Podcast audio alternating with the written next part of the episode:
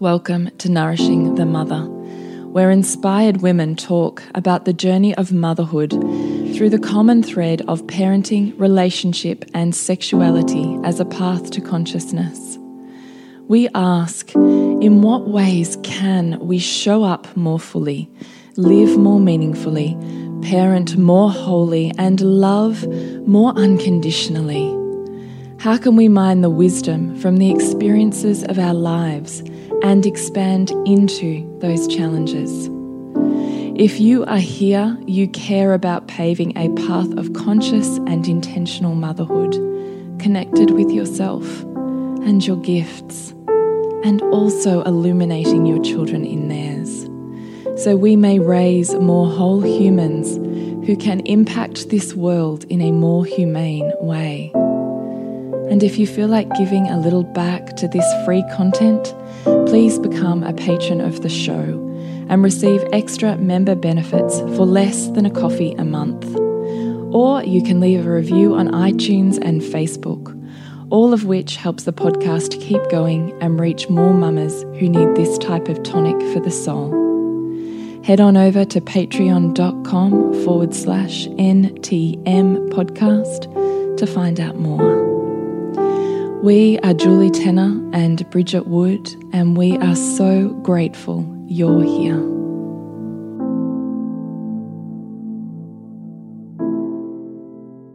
Hello, and welcome to Nourishing the Mother. I'm Bridget Wood.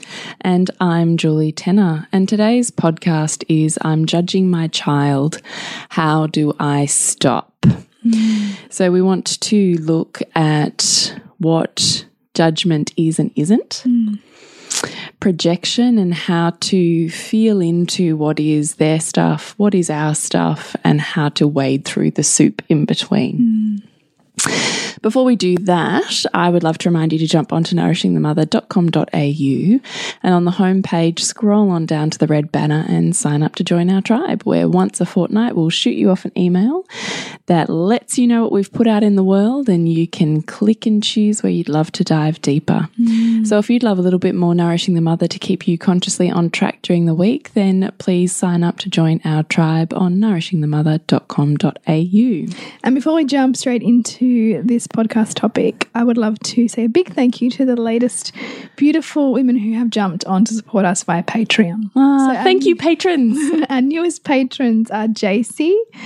Car Carice and Marielle. So thank you so much, ladies. We really it's amazing. Look forward to connecting with you. And in fact, um, we are now live streaming our podcast records in that um, in our Seek More group in our Patreon Through group. Patrons, yeah, yeah. So it means that they get the video feed. Get the video feed.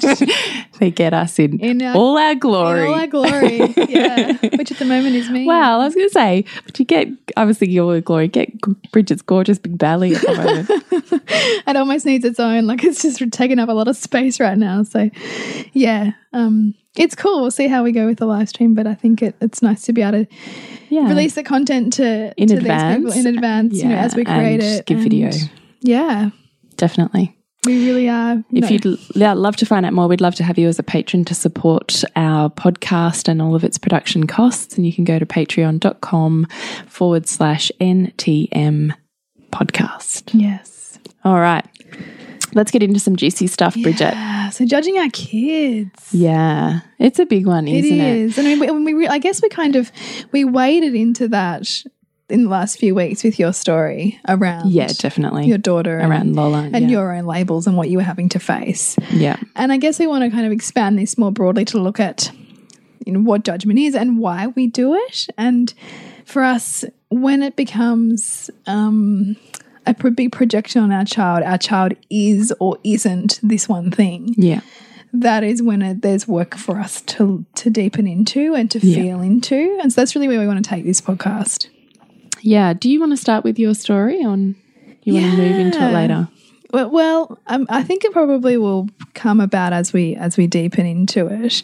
But I suppose this topic did come about because whenever Jules and I catch up, we're always sort of debriefing on our life as as it goes, you know, and often that that leads into like you know parenting yeah. challenges and you know how we navigated them and where we found our own edges and yeah. how we met them And I had a pretty big one um, just recently with a birthday party that we took my son to. And I should have probably known, um, based on how he'd gone at a previous party with a similar kind of setup, that maybe really giving ourselves lots of time would have been good. Because as it as it went, we'd arrived late at this party, which was um, like kids acrobatics. So lots of tumbling mats, um, lots of direction from sort of the the people who ran the party. And that's a big trigger for my son is is being told what to do and it feeling like school and not being able to free play. Mm. And so we've got there and he's seen everybody doing this and he's just immediately gone into fight or flight like I'm not going in and and that descended into tears so straight away. So he was like in trauma. You know, we're there and he's he's in trauma and I can see my husband like thinking, oh my God, like, because my husband was really looking forward to it because it was going to be like what he thought it was going to be lots of swinging and all the stuff my son loves, like, you know, monkey bars and activity and stuff like that. And so when you, you know, as, as you know, you, as a parent, you have high expectations of something and you're excited for your kid to have a great time. So you've already got an idea in your head of how it's going to go. And so we're seeing before us, this is descending into not what we thought it was going to look like. Mm. And so it was that real anchoring, you know, really having to anchor into, okay, this is where we find ourselves, mm. you know, with with his feelings in response to it. And it wasn't something to walk away from. We entered it, but there was a lot of having to parent ourselves as we enter this environment knowing that every other child's having a good time except ours, and every other parent's enjoying watching their child have a good time, and we've got the one who doesn't want to be part of it, is completely overwhelmed, is like incessantly crying. And I was just like, wow, okay, can I hold this? You know, I really had to check in, and I really knew I could, but I wasn't sure how long my husband could and how he was going to react or, or be with it. And so at the same time, I'm not only anchoring into my ability to hold and and that looks like for me a lot of regulating my own system. So mm. we talk about this a lot in our aligned parenting course, but this idea that in relationship we are co-regulating each other. Mm. And so with you. Which really just means borrowing each other's nervous system. Borrowing into the nervous system. So mm. and when we can feel into the feelings in our system, it gives us a clue to how our child or, or our partner, or whoever we're in converse, conversation with, how they're feeling. Because we're kind of in this soup with them. We're in this unspoken relationship of kind of discomfort and messiness when we're in those states. And so I was feeling into that and thinking, okay, the best thing I can do right now is just keep myself as balanced in my system as I can and not descend into, you know, my own mm. shut down or fight or flight or whatever that response might be. But this was going on like we you know we're kind of edging into sort of half an hour. But it's a really long, hard time to hold something yeah. that triggering. Yeah. And yeah. and you know, I have a high value on this stuff and even I was like struggling struggling with it. And I could see my husband like getting to the end of his capacity to, you know, here we have this you know, masculine man, like this father who's got this boy who's, and I really feel into that for men, like the boys who are crossing the toddler preschool. When you kind of, of course, you can cry, like that's just what you do, mm. to this boyhood where there's a almost unspoken expectation that you you kind of manage yourself better and that you're more able and capable and resilient, right? Um, mm. But certainly, I think the cultural messaging around it, that whole boys don't cry thing. Mm. And so, and my son is a big crier, which I love, but I, I kind of wonder at what point it's going to push my husband to really face his own inner child with, because there definitely was no space for that as, when he was a child. And so, the every experience of this, I can feel my husband's agitation. He's wonderful at meeting it and about creating room for it, but I can feel his edges are more sharp than mine, perhaps on this particular trigger. And so, you know, we're just like I'm just sitting there moving my like moving my hands down my legs, kind of breathing, and I'm just like moving my feet left to right, kind of really getting my brain to just be as online and present and holding of Hugo as I can mm. to really help my system calm his system and try to give him tools at the same time to regulate himself. But it's that funny thing because, you know, we I think if, you, if anybody's read the whole brain child, which is Daniel Siegel's work, it's this whole idea you can't communicate with someone whose brain is completely offline, who is just not home. They can't even rationally think. They're not even hearing what you're saying. Like your words are just useless. And so I'm watching him, he can't make eye contact with me. He's having bursts of rage, like he's gritting his teeth and like in between the tears. Like, so he is really struggling. And so I'm thinking, like, you know, less words, more, you know, movement in my body. And then the great thing was he then took his own out where he said he needs to go to the toilet. So I thought, okay, that's perfect. We can get him out of this environment. And if I get him out of that immediately immediate environment, which is so triggering, I can then create more safety and once it's, and we're all the same, once we have this kind of perception of more safety, we can then do that dance between that dysregulation and the regulation more easily, as opposed to being completely mm. stuck in the dysregulation. Mm. And so, you know, in this in the toilet, he's able to at least get back in his body again because he's having to. He's in the toilet, and that was my opportunity to help him move some of those feelings and and get a work out a plan of how we were going to enter it. Mm. And so this is relevant for this whole idea of judging because I'm thinking we so much as parents are parenting ourselves as we parent our children. And if we're not aware of what we're projecting onto our child, we will just be consumed by a more behaviorist approach, which would be you can't act like this in here, and how dare you um, are so disrespectful to these people inviting you to this party. You know, you need to participate, like all of that kind of stuff, that kind of mm. stuff that we would go on in our heads if we couldn't see our child for their experience. What was happening with the parents of the birthday child?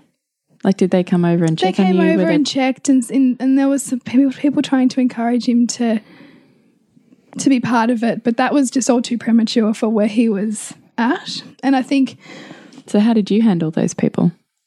Um, I just said, look, you know, we're just going to be with this for a while, and and, and I think um, we'll try we'll try and join in soon, but not make it so scary for Hugo that I was going to make him because if he if he sensed that he was going to be made to, then he would dig his heels even more and spiral into that dysregulation further, and then, mm. then it becomes harder to bring them out.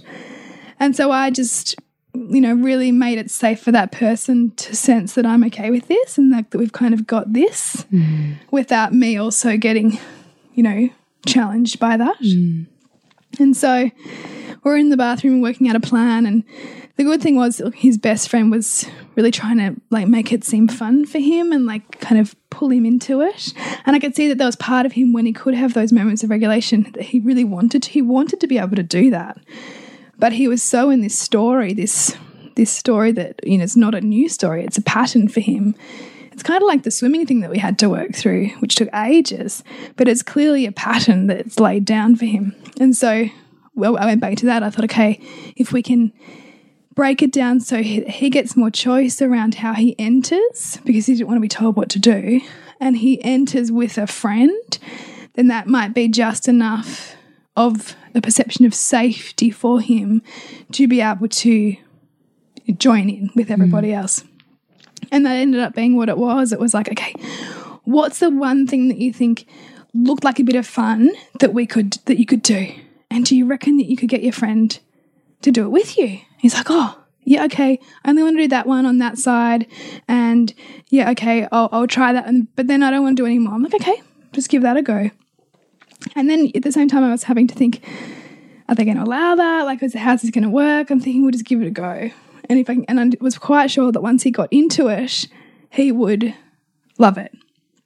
And so, long story short, we got in there. He joined in.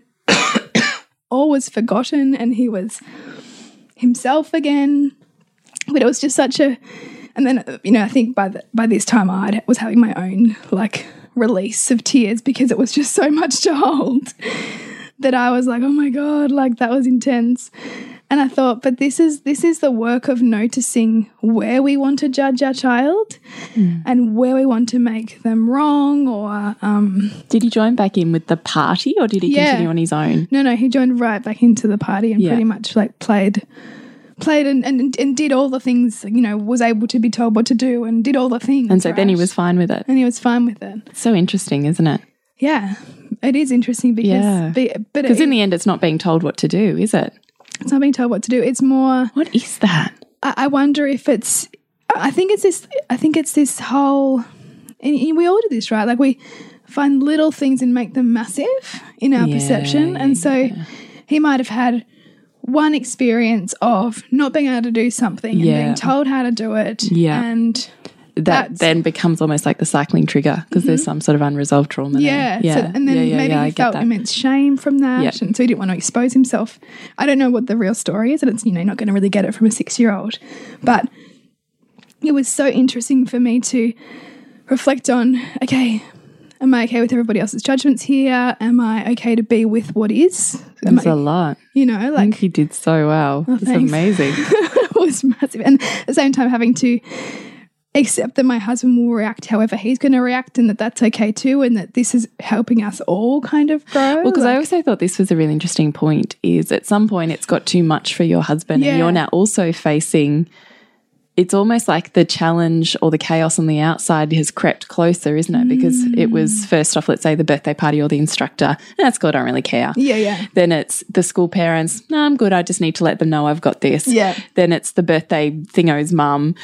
No, look, I'm good. We're just going to hang here and we will come back, kind of doing that Yeah, dance. yeah. And now it's your partner. It's like it gets more Closer and and more closer. isolated almost, isn't yeah, it? yeah, But I think I think on some level it's also like so like we will hold um we when when when something's so important to us we will meet more opportunities to face that, right? Face those challenges. Choose your challenges and your highest values. Yeah. And Yeah. so like that And that's also a hierarchy for you, isn't it? So Mm. ultimately, would your kids come before your relationship in a hierarchy? Mm, Yeah, that's true. Yeah. And and like I mean you and I've had this conversation. yeah, too. totally, totally. like we're like we're going to show up in the way that we know that be- because, and also because you and I have a, a level of knowledge in this area that we know our husbands don't we're, we're going to show up in the way that we think the situation most necessitates and not really give a shit who we piss off even if it's our husbands. Because there is a congruence there. And I'm not going to and I think about that too you know I'm not going to shrink from what I think is right just to be accepted because that message then doesn't send the message that I want my children to grow up with, mm-hmm. you know? Mm-hmm. And so there's a an element of it really testing your own authenticity yeah, and ability to hold Totally. shit. totally. And in relationship, how authentic can you be in relationship to the point where your partner doesn't like the choices that you're making or how you're doing something? Do you still choose you, or do Mm. You choose I'll give up that for you? It's Like a bit, it's, well, it's a bit like last week with the birth thing, right? Like, Yeah. Because, and you know, we all, uh, depending on our level of values, we will you know, morph to fit our partner or we'll shift and compromise on lower values. But there'll be some where we'll just be like, no, like, I, this is my truth here. Yeah. And I'm standing in it. Yeah, pretty powerful. So that's an example, I guess, of of leaning into where we want to judge. Did you have judgments on your child? Did you hear your inner voice kind of ricocheting with those? Mm, yeah, so I I noticed that because I see him some I see Hugo sometimes as like, you know, okay, yeah, I don't want to hear it anymore. Like you know that that whole highly emotional thing. Like sometimes I'm just like, okay, I'm done now. I don't want to deal with it. And so I wonder too if that's whether that's my story and big emotions weren't safe. So I just learned to, you know, morph and fit myself to whoever could handle me enough, and whether I'm meeting that with him. So I am conscious of that, but there was no question, I guess, in that environment that I wasn't going to, because I also know how how he can't be made to do anything really. Like I, he's pretty determined, so it wasn't going to be nice to have either tried to try to force it. Hmm. Either, and it wasn't my reaction in that moment to force it, but I don't know had it been I was just wondering in terms of judgments. Hmm. So he's the overly sensitive child. Does that, you know, what does that do for your judgments? Yeah. How okay am I with sensitivity? And then I then mirroring that, like I also think about that. We often have this fantasy about our partners being more in tune with their feelings and more able to express themselves. But how okay are we with that really? Hmm. Because we when we see that with our children and we want them to be more capable and resilient, that then means we need to are are we then expecting them not to be as emotional because emotions aren't something that's into, you know immediately linked with capability and resilience and getting on with it and hmm. Showing up and all of that kind of stuff. So i actually wonder if it's also in the family dynamic reflective of how much do you really want that full expression? Because we can say that we want it but when our children bring it do we really want to hold it all? Do we really want to meet it all? Mm. Do we really want that much you know fit do we really want feelings to be that safe that they come out wherever they want you know Yeah, I do. I do. and so that's probably part of it i'm just riffing on that as we as we're talking about it um It's interesting though, isn't it? yeah it is So when we're looking at, I think we all, I don't think we can help but judge. So let's just also put that out there. I think that we have a human brain that is wired for judgment. and we need it right like it's, it's it allows us to discern things it allows us to keep ourselves safe or you know stay on path for things that are important to us like it's a very very um, it's a it's a sifting tool. yeah i like that Yeah. So you don't want to eliminate judgment, but the problem with judgment is when it becomes such an all consuming label that you can't move beyond it. Because as you always say, Bridget, labels are limiting. Mm. Because as soon as you smack a label on someone, that's all you see. yeah yeah And ultimately, it's self fulfilling as a prophecy. Mm. You are, and ultimately, you become. Right? For ourselves as much as Yes. for anyone that we're doing that to yeah yeah and that we as the people you know looking at these other people intimate to us children or other that's all we see as well because we're not willing to see wider than what our judgments Mm. are so again it's also self-fulfilling because we look for it we sift our world to see we it we look, we look for evidence and Right. and we filter conversations around it we filter maybe advice that we seek to reflect that judgment that we might have. So what might be a just one part of the whole of our child depending on what judgment we have and how strong it is we're making it like 80% of them. Yeah exactly. But it's not the truth. Yeah. And you know we can start to notice when we have a label or a judgment that's that's maybe really um, out of proportion when we start to say oh they're just so blah blah blah or we're in a i have a child who is. I have a child who is, yeah, mm. and, and and or actually taking on board the, maybe a diagnosis or a label, and that being what you use to explain away how they show up or don't show up, or who they are, or mm. you know, and that become your default without mm. looking for evidence of when they where they don't display that set of behaviors mm. re really, I guess, when it becomes a story for us. Another good example of when you might be, you know, in a strong judgment or projecting a label onto a child is when you find yourself comparing siblings and saying, oh, yeah, this one's my shy one and this one's the outgoing one. And mm. without noticing that they actually are both in mm. different scenarios in their, in their own different ways. Because I think that, that can be a big danger too, is is because it's so easy, right, to compare your children because you see them all the time and you mm. notice their strengths and you know their talents and the areas where they're still yet to grow. So that's a good feedback to get a sense of what am I judging my child as. And I wonder, I don't, I'm, I've been ruminating with this just as a, a philosophical thought lately, so I wonder what you think about this too. But I often sometimes wonder if those judgments or labels that we give our children or slash project onto them, if they actually also keep us safe from having to do the hard work of entering the emotions that that thing brings up. Mm, yeah. Because if I can say she's just really shy, then I don't have to do the hard work of helping her move through a situation where she mm. doesn't want to be there. Mm. Yeah. Or socially awkward situations, it's easy to go, look, she's just shy. And then I don't mm. have to enter that and I don't have to feel the shame or the spirals, spiraling self doubt and the hit to my identity You know, and if I get to say, I don't know, um, I don't know, he's just really, you know, hyperactive, then I don't have to sit in the discomfort that comes up at situations where I might choose to parent otherwise.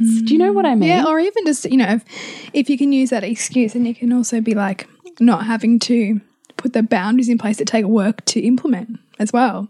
You know, like with your child who's hyperactive and having the conversations about what's appropriate behavior and what's not, what's inappropriate behavior and following through on that too. Like it can be an easy out, the label or the judgment. Well, I just wonder when we're talking about our why, I think it's interesting to consider what labels we give our children. And then we're going to take it through a series of questions that are self reflective. Mm. But I've been sitting with lately how that saves us as well by mm. making them this. How in turn that is a gift for ourselves, yeah. you know? Yeah, and in fact, I, I was sitting on sitting with that recently, where I have noticed that my daughter is a bit of a risk taker in the sense of her own. Um, like she'll jump off high stuff, and she's socially like quite like ready for lots of social stimulation, and and I, I'm quite mindful of not using language like be careful and try to give her like scaffold that kind of stuff for her. But then I think, you know, wow, like I wonder if, you know, for those of us who might value slow, kind of simple lives, like, you know, what if I'm holding her back?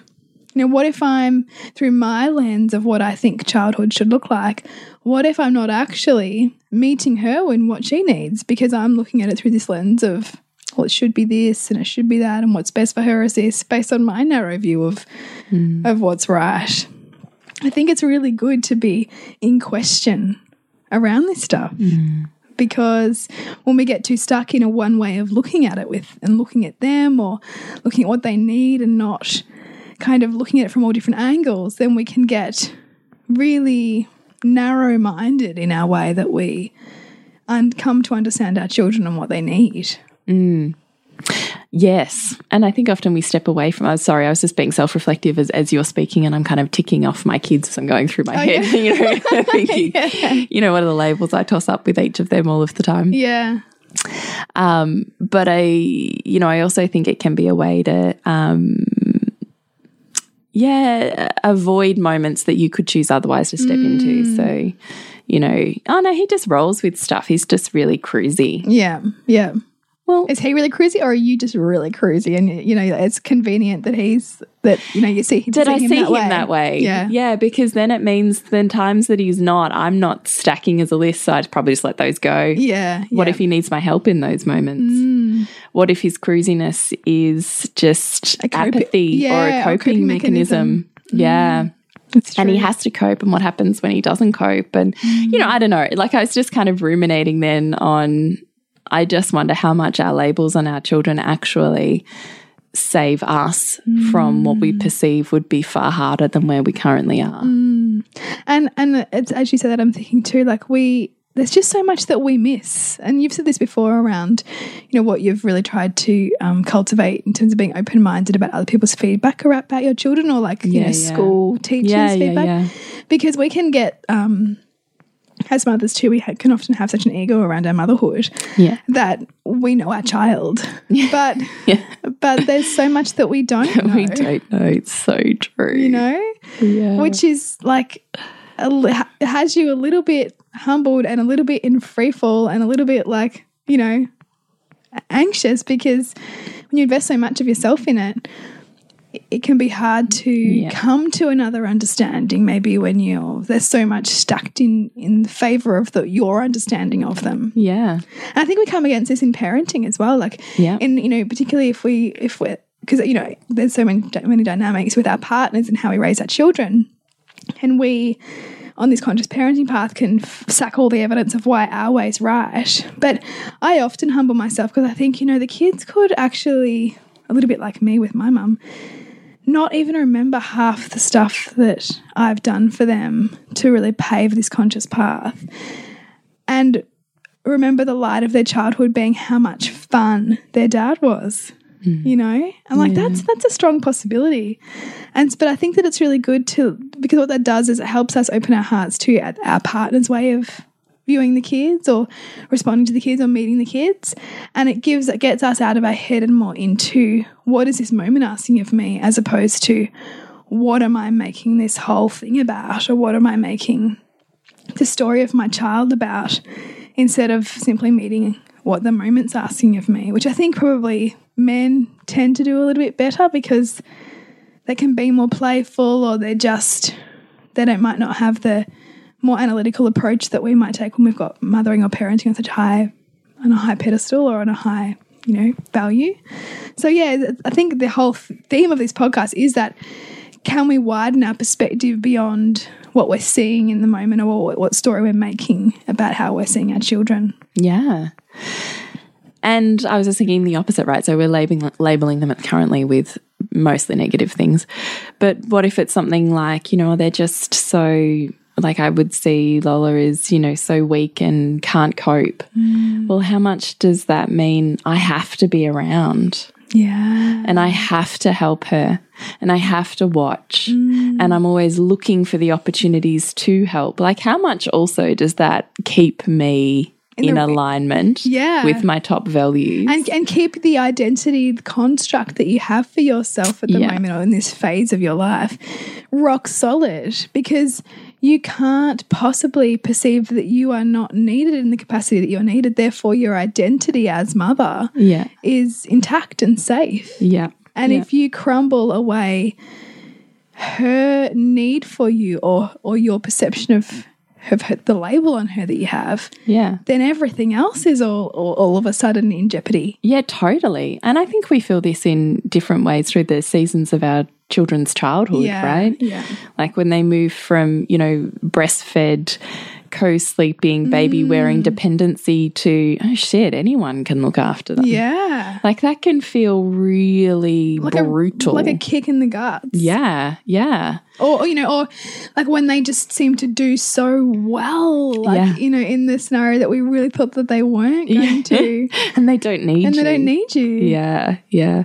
Or all of a sudden, you know, someone else becomes the center of their world. Mm. Or, you know, they're so fine. You know, I Mm. don't know. I just kind of think we have judgments in so many spectrums, Yeah. right? It's just wise and to be, as you say, curious Mm. and bring a curious mind to why we see them like that in that moment Mm.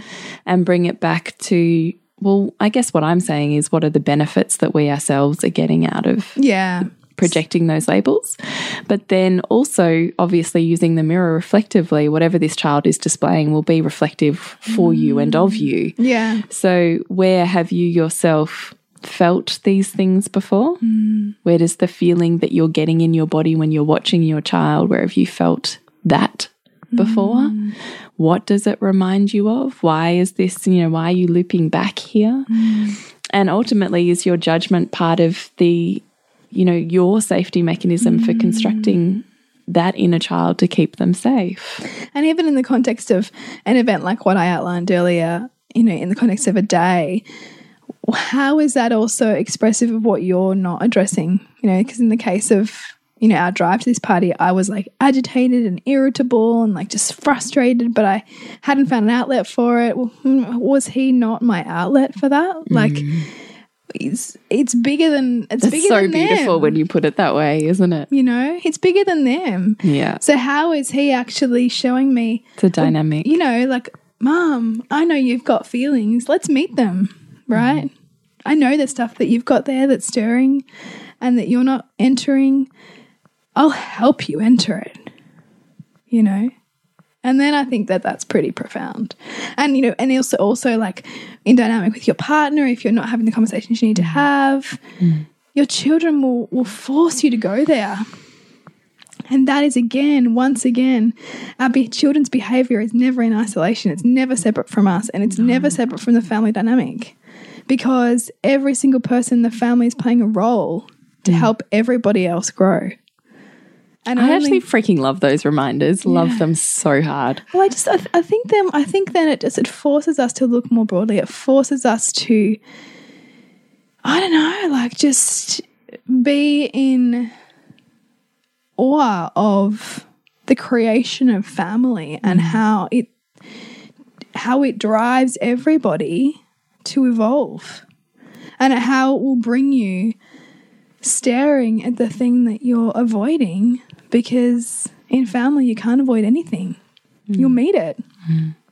So and it's an invitation. It's often uncomfortable, but it's an invitation. And I think when we can be curious about what is this invitation, Yes, yes, and do as we said, self-reflective questions. The only one that I think we didn't mention that we did have on there was the um, what am I making it mean? So when you've made the label, projected it out there, and then you've come to the rescue to prevent, you know, the thing from happening. What is the thing that you're avoiding? What does it mean to you if your child is or isn't this thing? What have you made that mean in your mind? Yeah. And just maybe doing some journaling and getting curious about the beliefs that are lying dormant Yeah, there, yeah. potentially unlistened to, and that they're not ultimately a truth. And you get to choose in those moments whether you're going to continue to believe that Mm. or not. You know, and often we come on a really big loop. don't? Yeah, So, yeah. you know, my child choosing to jump in the puddle right now means that they're going to be expelled from school and end up in jail. you know, like when you yeah, Mm. actually let your your mind go and then you look at it, you go, "Whoa, it's a pretty big jump." I feel like there's some steps in between. Yeah. and here's how I could meet those. But you know, like it sounds ridiculous, but ultimately, when the emotional trigger is big, like it's a big one, yeah, it's often because we have made it mean something like that kind of jump, yeah. you know, and it is that unraveling to get Yeah. back and taking the charge out of it. And healing happens in layers. Mm. It's not like meet the trigger, poof, everything's healed. Yeah. Yay! you know. Oh no. Healing is in layers. Your healing is Mm. in layers. That's why our evolution is also in layers. So the same trigger will keep coming around and around and around. And you only know it's completely dissolved when that thing that used to trigger you now no longer does. Yeah. Yeah.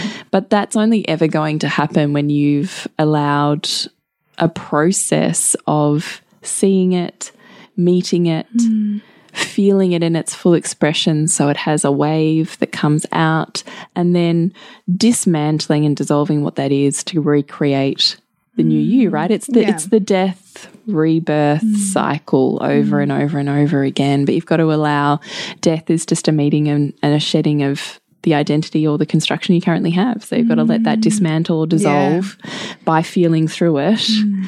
in order to be reborn into the new identity or the new mm. version of you that carries forward. So I always think of it in terms of the feminine life, death, life cycles. Yeah. And I think that's you know And that's know, powerful it's, almost, reminder. it's almost like the spiral of you continuing Yes. spiraling and, and meeting more parts and Layers. yeah. So is there anything you want to leave our lovely listeners with, Bridget? No, just to really be with and be curious, I think. To sit a little more gently in the projection and, and get curious about what it's about. You know, Ooh, and the other one we didn't say is stack the evidence of the opposite. Yes, that's a big one. So whenever you're thinking, and this is this whole line of like, whatever you think, think the opposite, but actually ask yourself if you've got a big story on your child as this.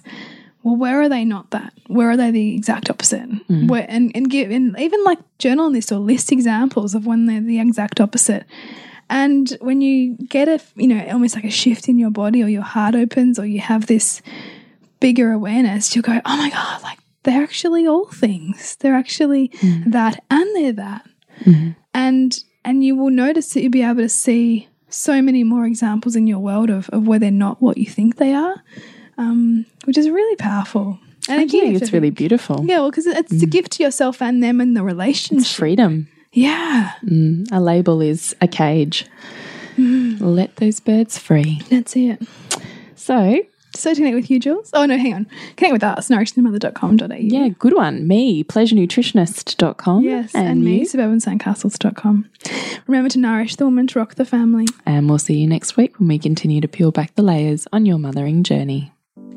And if you want to support Nourishing the Mother and all the late nights, the early mornings, the blood, sweat, and tears we pour into our art, then please go to patreon.com forward slash NTM podcast and become our patron. As a patron, you're helping all of the cost of operating this podcast, the hosting, the editing, the transcription, helping all of that be completely covered, and joining a community who are all about honouring our journeys and continuing to open.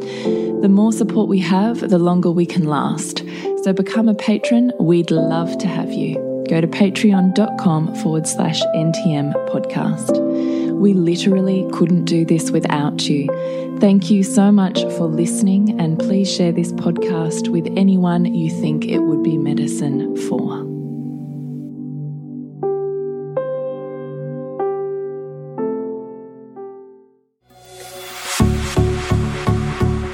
This has been a production of TheWellnessCouch.com. Check us out on Facebook and join in the conversation on Facebook.com forward slash The Wellness Couch. Subscribe to each show on iTunes and check us out on Twitter.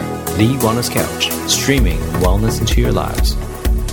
Whilst the Wellness Couch presenter endeavor to provide accurate and helpful information to their listeners, these podcasts cannot take into account individual circumstances and are not intended to be a substitute for health and medical advice from a qualified health professional. You should always seek the advice of a qualified health professional before acting on any of the information provided by any of the Wellness Couch podcasts.